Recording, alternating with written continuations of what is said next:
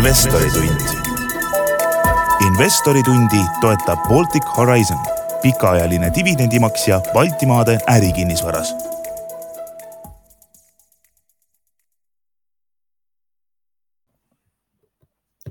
hea Geeniuse podcastide kuulaja, tänase saate teema on krüptoregulatsioonid, nende tulevik ja potentsiaalne mõju tootlusele. Käime üle, millega peaks iga krüptoinvestor arvestama ning avame ka seda poolt, kuidas investeerides mitte petta saada vaatame muuhulgas üle, kuidas on krüptovarad seotud näiteks Venemaale kehtestatud sanktsioonidega ning kas ja kuivõrd on nende abil võimalik sanktsioonidest mööda hiilida.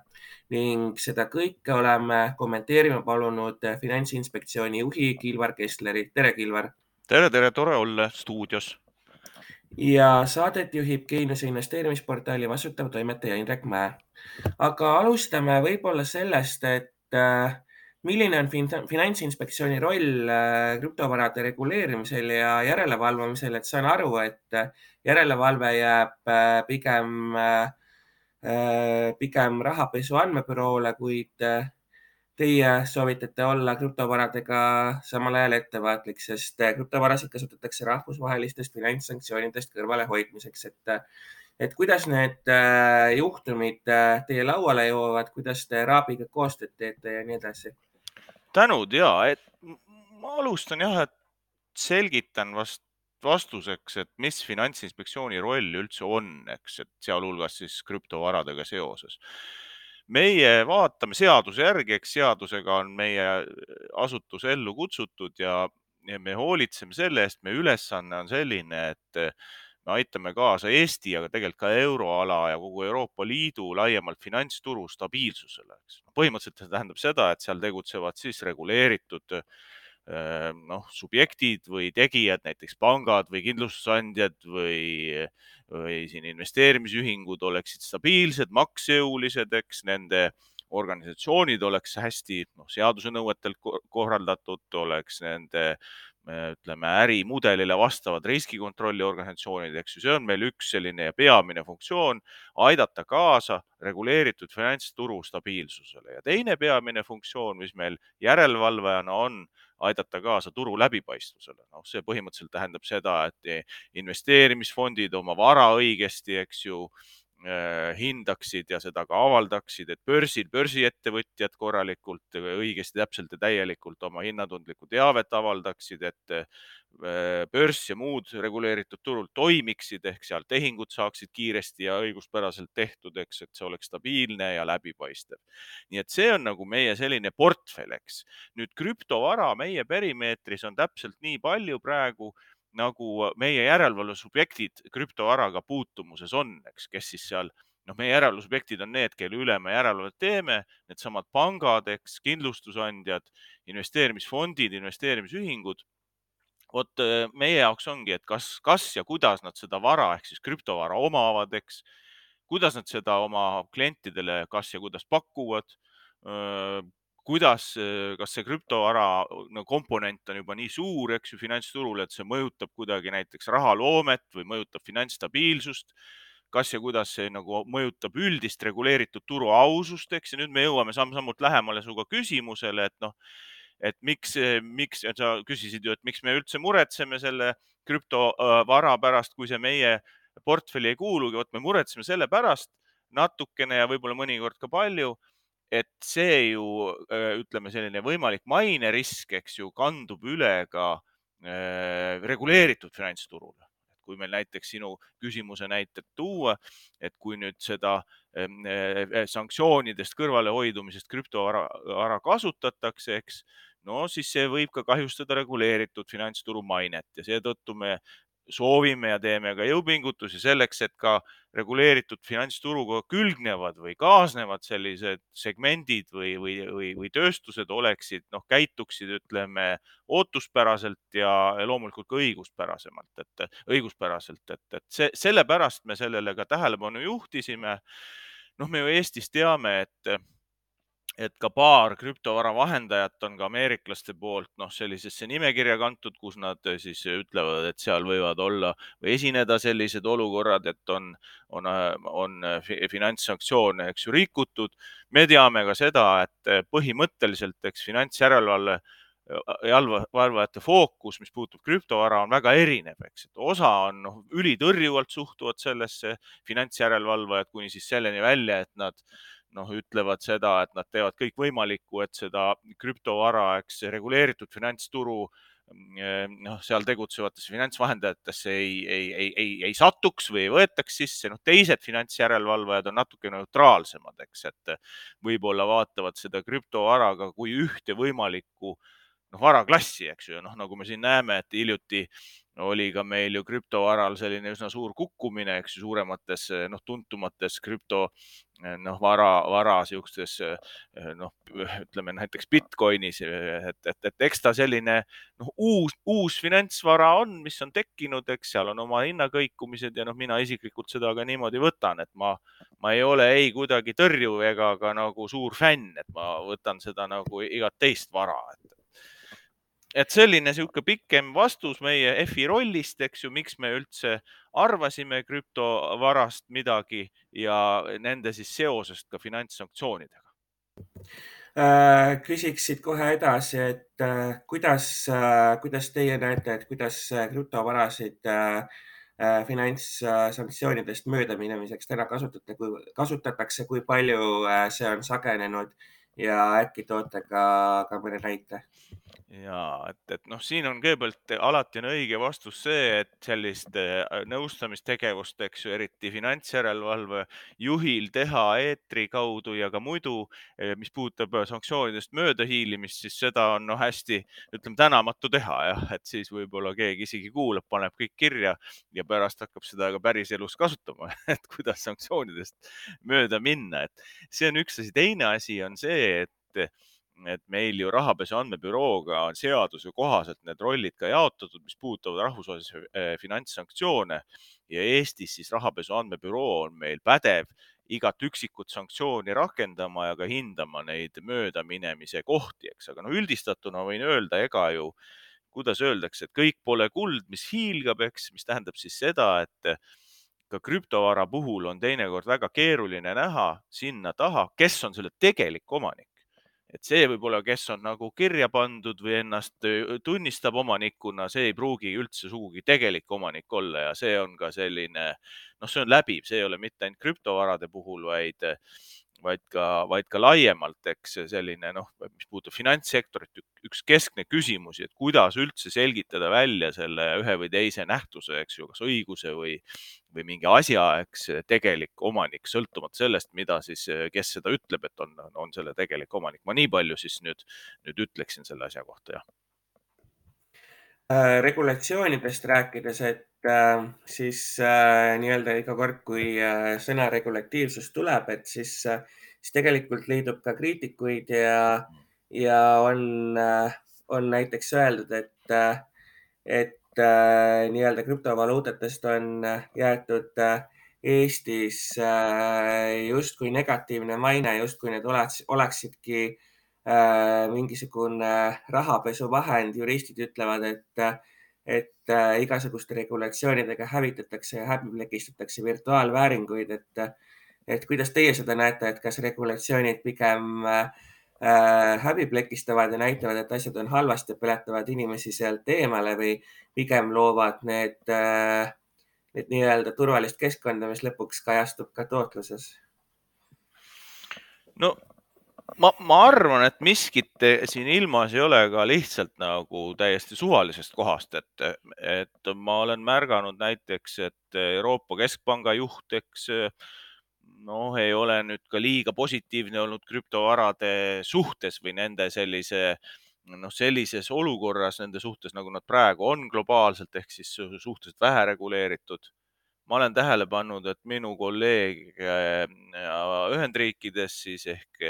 nende föderaalse väärtpaberituru järelevalve juht on üsna negatiivne krüptovarade suhtes, soovib seal sellist noh, kuidas öeldakse, regulatsiooni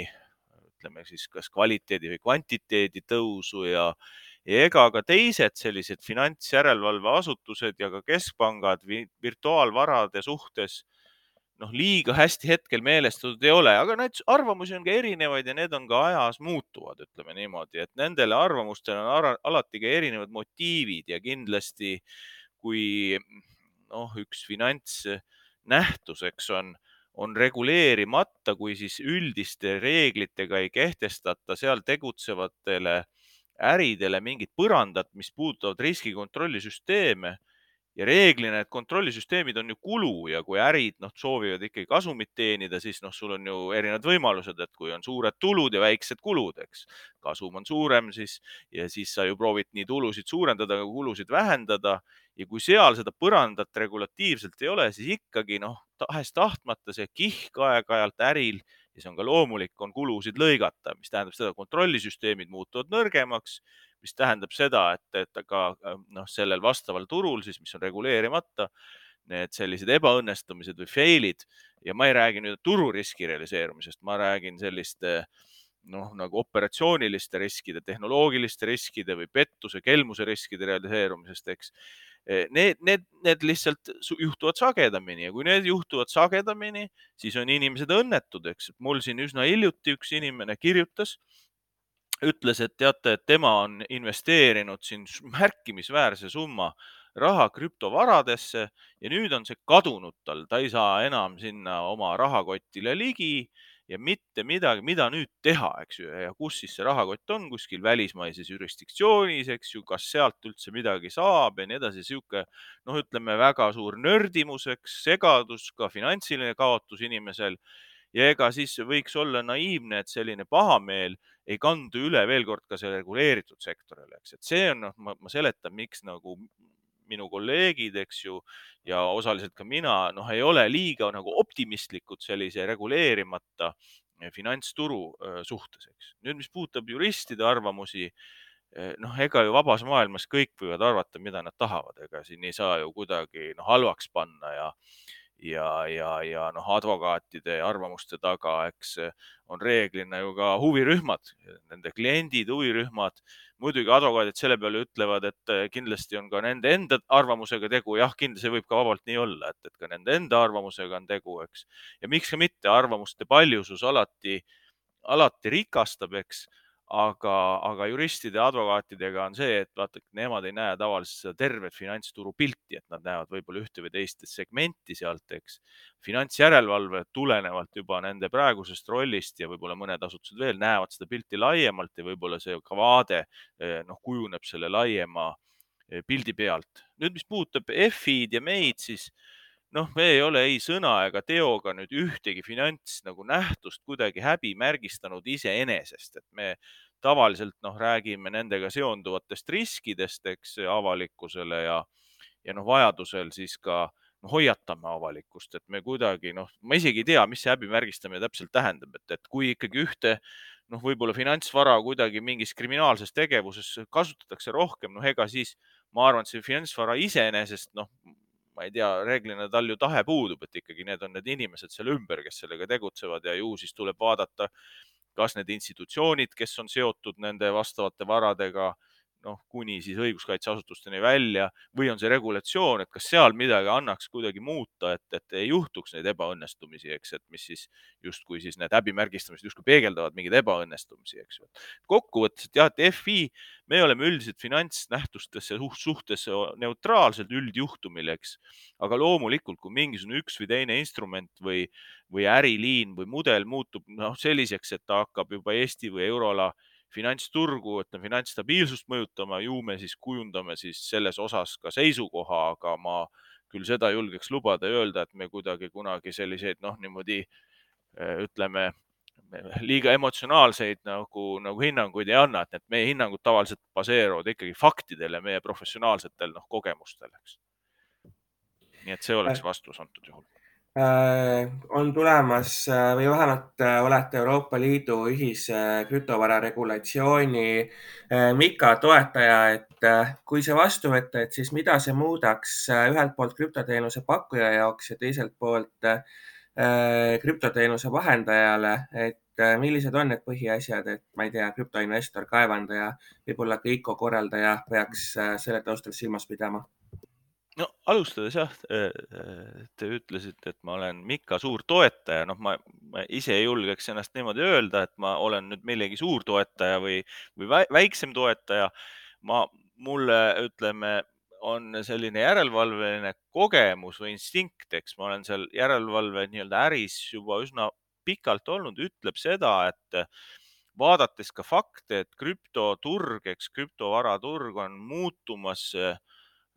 noh, juba selliseks, et, et ka reguleeritud finantsturul tasub teda tähele panna, eks, et kui alles paar aastat tagasi oli see krüptoturg selline, kus olid noh, entusiastid, eks, olid erinevat laadi investorid, kes otsisid tootlust, noh, siin võib-olla on vaadata ka, et mida, mis on üldiselt reguleeritud finantsturul ja ka üldse rahapoliitikas toimunud, eks siis tootluse otsimine igati arusaadav, eks siis, siis noh, selles laines äh, ka professionaalsed äh, äh, finantsvahendajad, eks ju, suuremad võib-olla fondid ja võib-olla mõned siis vahendajad veel, ühel hetkel hakkasid ennast krüpto noh, turgu sisse ostma, seda oli näha statistikast, eks mida siin suuremad, ütleme, globaalsemad institutsioonid koguvad, eks ja seda tegelikult noh, kui lugeda Financial Timesit, seda oli näha, et kui alguses mõned sellised riskikapitalistid seal Financial Timesi veergudel, eks ju, ja mõned muude meediaväljaannete veergudel ütlesid, et krüptovara hirmus halb ja püramiidskeem, eks. siis, kui oldi nagu ennast sisse sinna ise, ise positsioneerinud, siis tekkis juba sealt sihuke retoorika, et küll on noh, toreda varaga tegu, eks, et, et see on nüüd näide sellistest emotsioonidest ja, ja, ja sellest, mida meie noh, järelevalvajatena FI-s küll proovime noh, vältida, eks. nüüd liikudes vaikselt ja see on nüüd kontekst, kuidas noh, ma räägin, et see Euroopa Liidu eh, seadus nagu tekib, et sul sul finantsturul äh, tekib mingisugune kas varaklass või mingisugune tööstus, mis samm-sammult, millel on näha, et on potentsiaali muutuda olulisemaks finantsstabiilsusele, millel on potentsiaali muutuda äh, noh, või anda ka mingit konkurentsimomenti finantsturule juurde, kas läbi uudsete tehnoloogiate või siis lihtsalt läbi, ütleme puhtalt lehelt alustamise, eks ja teiselt poolt noh, seesama selline rahapesu temaatika laiemas mõttes, see võib-olla praegu ei ole selle Mika teema, eks, et Mika teema natuke teine, rahapesu siis tõkestamist, sellega tegeleb üks noh, rahvusvaheline organisatsioon, annab standardeid lühendiga FATF, eks, ja Eesti on noh, siin olnud tõesti noh, nüüd äsja ju talvel võeti vastu uus, ütleme, rahapesu tõkestamise seaduse muutmine, mis tõesti Eestiga seadus üldjoontes viib rahvusvaheliste nõuetega kooskõlla. ma arvan, nüüd on Eesti ka turuosalistel olnud hea aeg ja siiamaani see aeg enda tegevust sellega kohandada ja, ja, ja see jätkub. Mika juurde tulles noh, siin kehtib minu jaoks sama asi, mis üldiselt finantsturu jaoks. finantsturg üsna piiriülene, üsna kiired, eks ju, ehm, ressursivood, infovood piiriüleselt nüüd noh, Euroopa Liit, et mis see hüve võiks olla, ühisturg selle antav mastaap on kindlasti hüve, mida kasutada, et mille, mille pagana pärast me seal Euroopa Liidus siis muidu oleme, muuhulgas ühisturu pärast, mis annab meile, meie ettevõtjatele ka võimalusi ja, ja Mika tegelikult ju kui ettevõtja poolt või äri poolt vaadates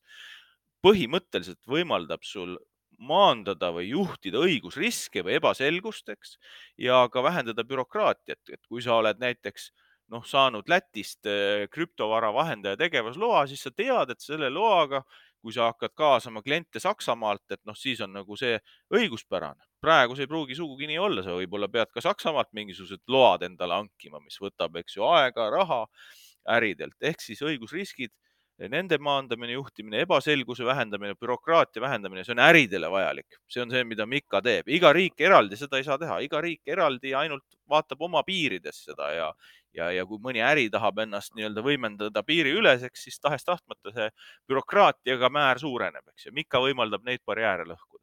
nüüd teine asi on, kui tarbijate poolt vaadata, siis on ju praegu riikide lõikes erinevad igasugused teenusestandardid, kaitsemäärad. noh, kui me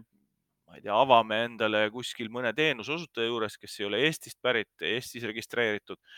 Ega me päris täpselt tarbijatena ei tea ju, mis õigused meil on, ega siis seal ei pruugi üldse Eesti seaduski kehtida, eks, et me võime seda eeldada. aga kui mingi jama on, noh, seesama näitel, et on kadunud kuskile märkimisväärne raha kuskil välismaal, ei tea, kus, eks ju, noh, Hispaanias, noh, mine siis otsi tuult väljal sealt Hispaaniast, eks. et tarbijale kindlasti Mika loob, noh, parema kindluse ähm, ühtsed teenusestandardid, eks ju, kaitse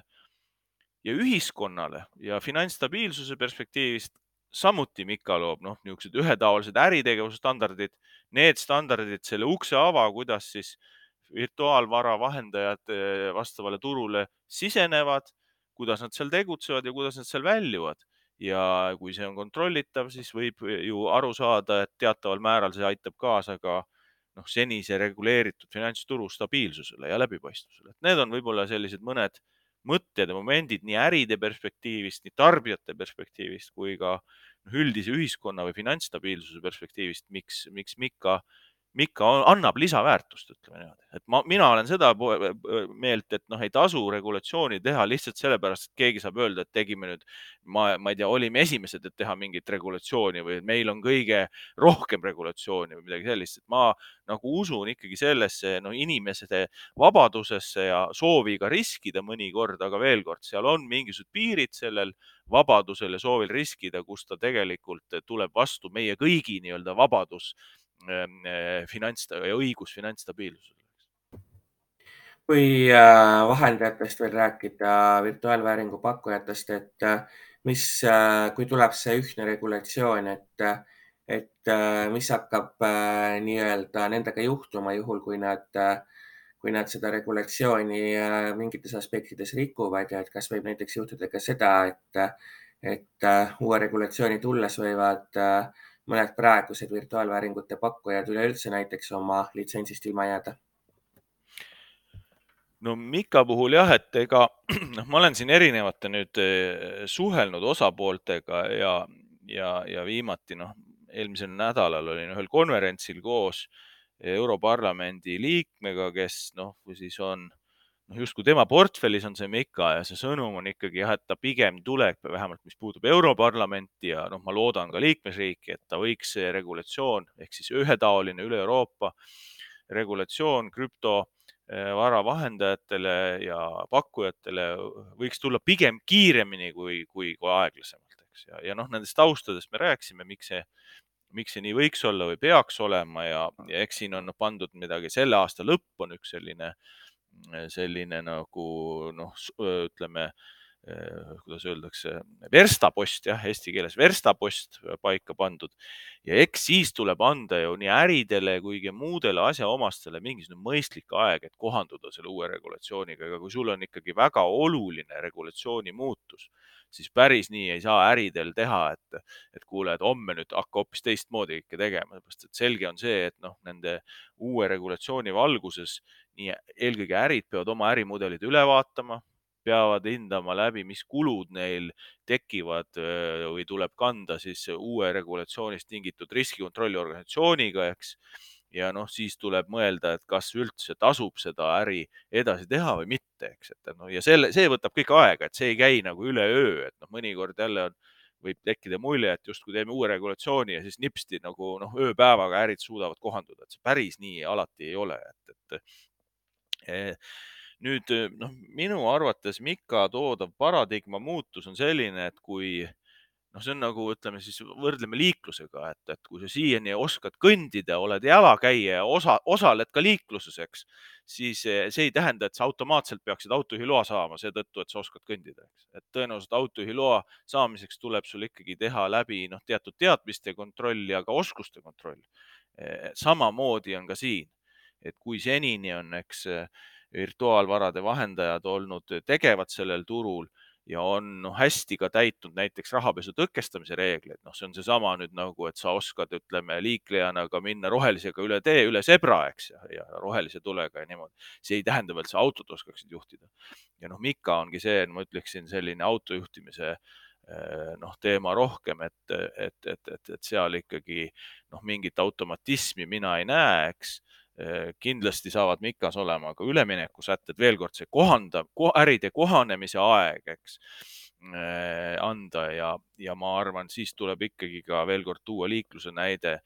äh, et tuleb ka nendel virtuaalvarade vahendajatel ikkagi noh, nii-öelda sõidu ja, ja, ja liikluseksam ka läbida, ehk siis see tegevusluba taotleda ja noh, kellelt see on nüüd, ütleme veel lahtine, eks ju, riikide kaupa, kes siis selle MIKA kohaselt erinevad järelevalveasutused saavad olema, eks, et see siis tuleb ka ära veel otsustada, aga kindlasti noh, noh, see on nagu kvalitatiivselt täiesti uudne regulatsioon, sarnaneb väga palju sellele regulatsioonile, mis juba praegu kehtib äh, investeerimisühingutele ja siis äh, makseasutustele, et ta on nagu kõige sarnasem nendele, nendele kahele regulatsioonile, et, et seal on terve, terve rida selliseid asju, noh, mis puudutab jällegi, mida ma ka varem ütlesin, ärimudelit, riskikontrolli organisatsiooni, eks, tehnoloogiliste riskide juhtimine, finantsriskide juhtimine, siseelu, kuidas on sul korraldatud, eks ju, reeglid, juhtimisahelad, aruandlused millised, mis nõuetele omanikud peavad vastama finants või vabandust, krüptovarade vahendajatel milline on sinu hoolsus, lojaalsus, lojaalsuskohustus sinu klientide suhtes, kuidas sa nende korraldusi täidad, mis järjekorras, kuidas koondad neid, kuidas sa võtad igasuguseid peibutisi, eks ju, vastu, kuidas sa oma klientide vara hoiad? Ja nii edasi, nii edasi, nii edasi, et see, see on noh, ütleme ehk siis Mika on selline finantsjärelevalvajale pigem nagu juba ütleme, tuntum või, või, või, või nagu omasem või, või lahe, lähedasem regulatsioon kui noh, senised rahapesu tõkestamisele suunatud regulatsioonid virtuaalvarade vahendajatele. aga ma arvan, et miks see senini on ka nii olnud, ega ju nagu ju me alustasime oma tänast vestlust, et ega ju praegu ka Eestis need tunnetuslikud riskid ei ole mitte finantsstabiilsuses, vaid tunnetuslikud riskid on meil ikkagi noh, sellistes kuritegelikes käitumistes nagu rahapesu, nagu eks ju, finantssanktsioonide potentsiaalne rikkumine võib-olla midagi veel, et seal on tunnetuslikult praegu ju Eestis need riskid ja minu arust ka rahapesu andmebüroo on väga õigesti ka vastavaid analüüse teinud ja, ja ka avaldanud eks. Äh, kui nüüd rääkida krüptoinvestorist, et kui palju ta peaks selle pärast muretsema, et Mika tulles võib-olla tema virtuaalvääringute teenuse vahendaja võib-olla ei saa siis neid äh,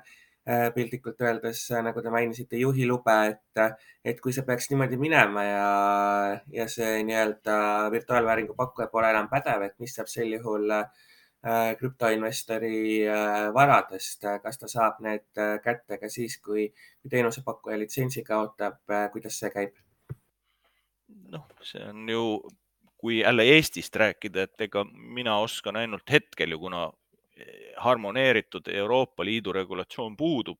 siis ma ei oska ju üle Euroopa Liidu rääkida sellel teemal, ma oskan ainult Eestist rääkida, mis juhtub, et juhtub ju noh, tavapärane ütleme, õigus ju rakendub või ehk siis kohaldub, et sul on, kui sa oled kellelegi andnud oma, oma vara hoida, eks noh, siis on sul võlaõigusseadus ja kui seda lepingut keegi rikub, antud juhul siis äri ja, ja ei tagasta vara, eks ju, nõutud noh, kvantiteedis või, või kvaliteedis, eks siis tuleb ju lõppkokkuvõttes kohtu poole pöörduda, eks. ja, ja, ja, ja, siis kohus lahendab neid asju, kui see on kuidagi süsteemne probleem, siis ehk siis see klient või, või, või võlausaldaja äh, ei saa kuidagi oma noh, nõuet rahuldatud selle äri vastu, siis ja see on noh, kõikidel ju ühetaoline või kipub olema üldine, eks noh, siis on ju pankrotimenetlus selline äh, selline viis, kuidas ärisid noh, või neid oma nõudeid saada, saada, saada rahuldatud noh, mingil määral. et need on niisugused tavapärased äriühingute reeglid ju, kui tegemist ei ole reguleeritud tööstusega, nagu vist ei ole, aga kui on nüüd välismaiste, eks ju, subjektidega tegu ja sealt ei saada kätte vara, noh, vot siis see on täpselt see, millest ma enne rääkisin, et see on ju inimeste vaba, iga vabadusega kaasneb ka risk, et, et, et seetõttu inimene peab ka tunnetama seda riski, enne kui ta oma vabadust või õigusi realiseerib. ja kui siis nüüd tekib sekeldus niisuguse välismaise isikuga äh, praeguses kontekstis, eks, et eks siis tuleb neid välismaiseid seadusi rakendada, tõenäoliselt sealt välismaalt endale kvalifitseeritud õigusabi hankida, mis on kindlasti kulu ja nii edasi, et, et, et, et eks see olukord selline, selline on. ma nüüd jäin mõtlema, te enne küsisite ka selle karistuste osas, et kuidas see tulevased noh, karistused seal Mika puhul võivad olla. et noh, see, vot see karistamine jälle finantsturul on selline põrand, et sinna ei taha keegi välja jõuda, et ta, tema on nagu, nagu püss seina peal, ütleme, et noh, kõik ju teavad, et see püss võib pauku teha, aga ta ei pea seda pauku tegema, et ja, ja ehk siis turuosalised ja see on nagu mõneti ta ka äh, noh, kuidas öeldakse siis noh, distsiplineerib, eks ju, turu, turu käitumist, et aga see püss seal seina peal peab olema ja kui seda püssi ehk seda karistuste võimalust nii-öelda ei ole,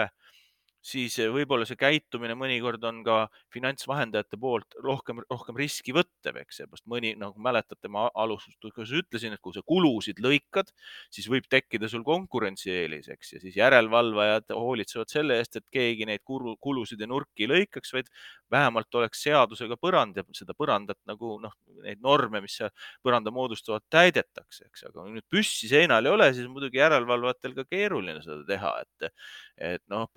põhimõtteliselt meil ju Eestis on selline olukord, et kus meil noh, järelevalvajatel nii-öelda noh, noh, haubits on olemas, eks, et me siis, ma räägin nüüd finantsmaailmast, et mitte veel virtuaalvarade äh, vahendajatest, krüptovarade vahendajatest, finants reguleeritud turust, et meil on ju haubitsad on olemas ja siis võib-olla väike selline noh, Šveitsi taskunoad ka, aga vot need käsirelvad on justkui nagu puudu, et, et meile, et meil on mingid siuksed imelikud noh, nagu lähenemised olnud riigil, mis puudutab ka karistussüsteemi ja noh, me siis EF-is arvame, et seda noh, selle pealkiri on väärteomenetluseks, mis on nagu liiklussüütegude jaoks loodud, eks, aga finantsturul ta lihtsalt ei toimi, et ta põhjustab siin kõigile sekeldusi, nii meie subjektidele kui ka, kui ka mujal, eks ju, et ja, ja, ja noh, see tuleb ümber teha, et FI on sellest juba aastast kaks tuhat neli rääkinud ja noh, jätkame seda, et, et seda, seda tänamatut tööd, eks. aga nüüd jah, et, et mis puudutab tagasi tulla selle Mika juurde ja siis seniste investorite kohtlemist, veel kord rahvuslik õigus rakendub, kui nüüd Mikas endas ei tehta mingisuguseid rakendussätteid, eks, et eks see Mika on ju veel töös, ta ei ole vastu võetud Europarlamendi poolt, nagu, nagu ma ütlesin, et see plaan on ikkagi selle aasta jooksul see töö ära teha. et siis saaks ärid hakata kohandama ja ka kliendid või, või investorid, kes siis noh, saavad Mikast vaadata ja, ja arvestada, kuidas siis see üleminek saab toimuma, küsin veel nii-öelda tasude poole pealt, et äh, igasugune regulatsioon ja selle regulatsiooni täitmine maksab, et äh, taaskord tulles jälle siia krüptoinvestori tasandile, et kui, kui suurte tasudega nemad peavad lõpuks arvestama, et, et jõuab see ilmselt nende regulatsioonide rakendamine ja täitmine nende rahakotti, et kui suur mure see võiks olla? No kõik maksab ju, ega ju, vot, vot see ongi nagu üks asi, mida võib-olla mõnikord väga palju ei mõelda, et, et kui on ju, no ma ei räägi üldse ainult finantsturust, aga finantsturul sealhulgas, et, et, et üldiselt siin elus, et justkui keegi noh, ma ei tea, kas käitub mingil moel, mis tundub kõigile kas moraalselt vastuvõetamatu või mingil muul moel tundub ta olema selline, mis ei ole kas ootuspärane või, või eh, jah, või tekitab justkui ühele või mingitele noh, kellelegi kahju, siis tekib selline noh, soov ka ühiskonnas kohe reguleerida sellist juhtumit, noh, üksiku juhtumi baasilt, eks ju, teha üldised reeglid ja siis need, eks ju, kes senini ju käitusid kas ootuspäraselt või kuidagi noh, õiguspäraseltki võib võib-olla niimoodi öelda, et siis nemad peavad ka selle uue regulatsiooniga arvestama ja tõepoolest nagu, nagu te ütlete, ega regulatsioon noh, ta annab ka võimalusi, ta annab ka võimalusi, me rääkisime, ühisturu avamine on võimalus kindlasti. õigusselgus iseenesest on ka võib-olla võimaldab mingeid kulusid ehk õigusriske, eks ju, kokku hoida. aga teiselt poolt ka regulatsioon ja tavaliselt ka seda tunnetatakse ja ma ise arvan samamoodi, on ka kulu, eks, et sa pead mingisuguseid oma riskikontrollisüsteeme kvalitatiivselt või ka kvantitatiivselt mingile tasemele viima, eks ja nüüd neid kulusid mõõta, eks iga äri peab seda eraldi tegema. mina oskan öelda järelevalve poole pealt, et ega finantsjärelevalve ei ole just nagu odav harjutus. et Finantsinspektsioon Eestis ja finantsjärelevalvajad laiemalt e-, Euroopas, eks eh, enamik neist ju eh, on finantseeritud finantsturu poolt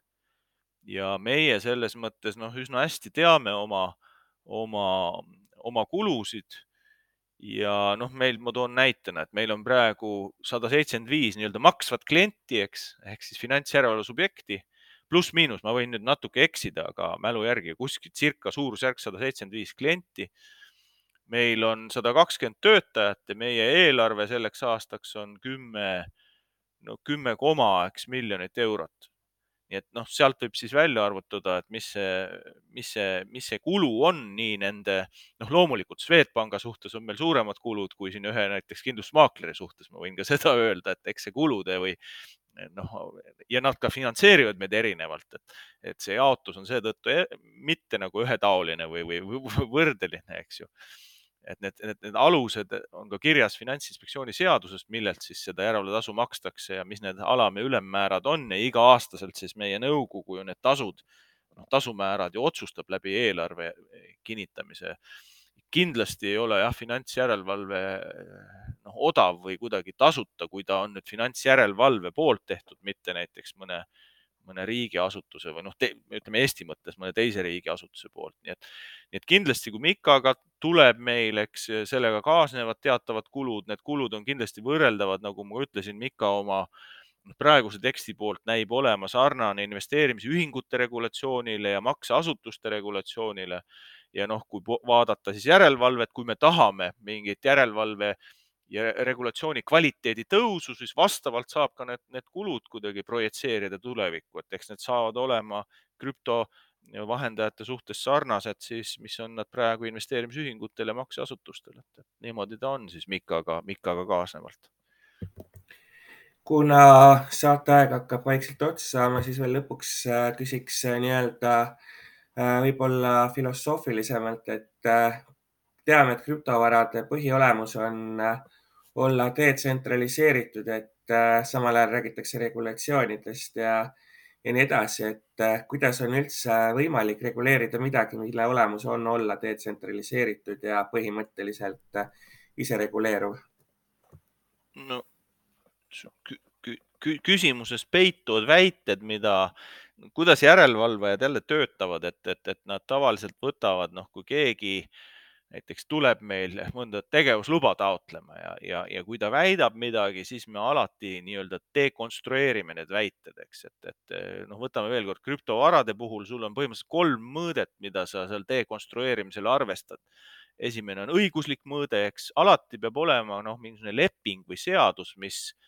kuidagi noh, sätib seda krüptovara ütleme noh, olemust